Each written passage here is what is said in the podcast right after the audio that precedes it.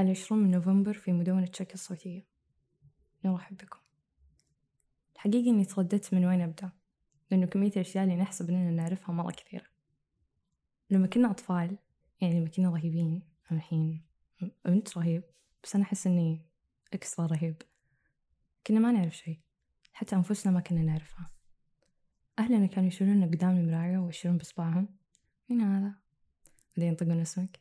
لما تتعرف إنه هذا الكائن الظريف هو أنت وهذا اسمك بتظل طول حياتك تعرف عن نفسك فيه فممكن أغلبنا عاش حياته بدون ما يسأل مين أنا عكس الأشياء اللي جرناها وإحنا صغار ما كنا نوقف أسئلة ماما وين تروح الشمس؟ بابا ليه القمر يمشي معانا في السيارة؟ من وين يجي النونو؟ ليه ما نقدر نشوف الله؟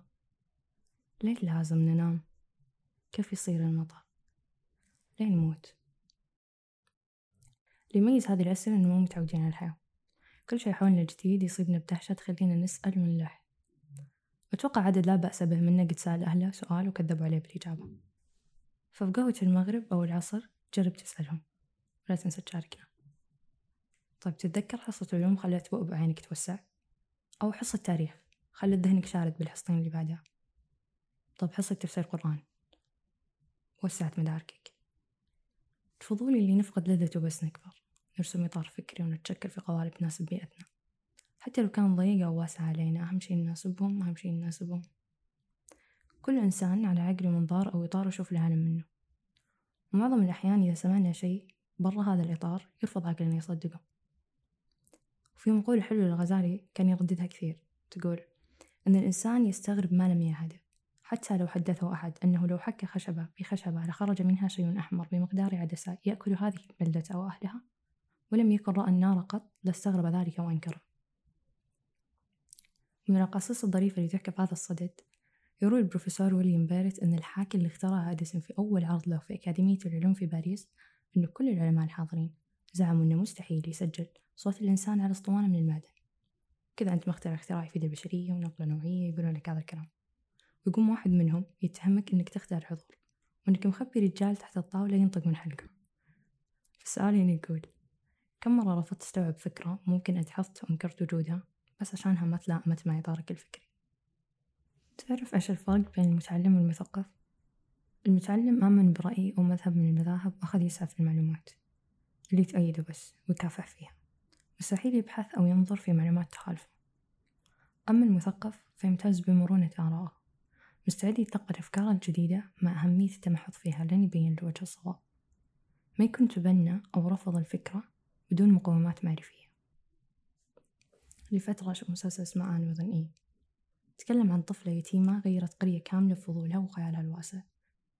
فضولها كان يستدعي الدهشة اللي فقدوها أهل القرية المعزولة عن العالم. كانت تعابير وجه آن لحالها حكاية.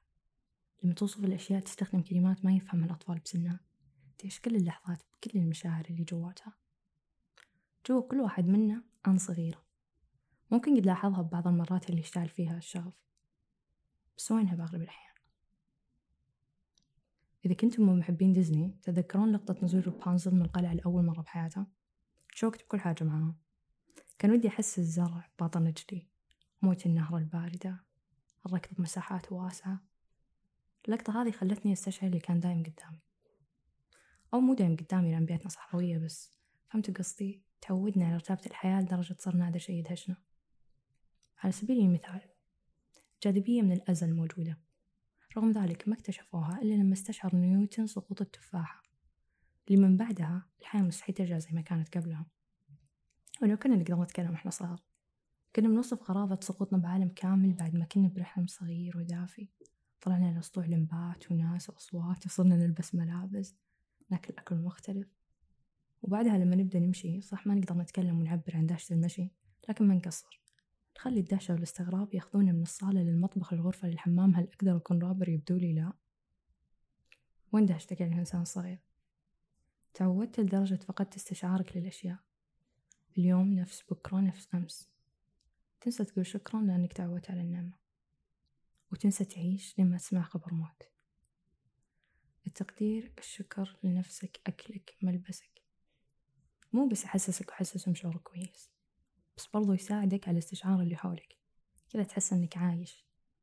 لما تتلذذ بالأكلة وأنت حاسب نعمتها. يوم تعيش كل لحظة بالجلسة لأنك عارف قيمتها.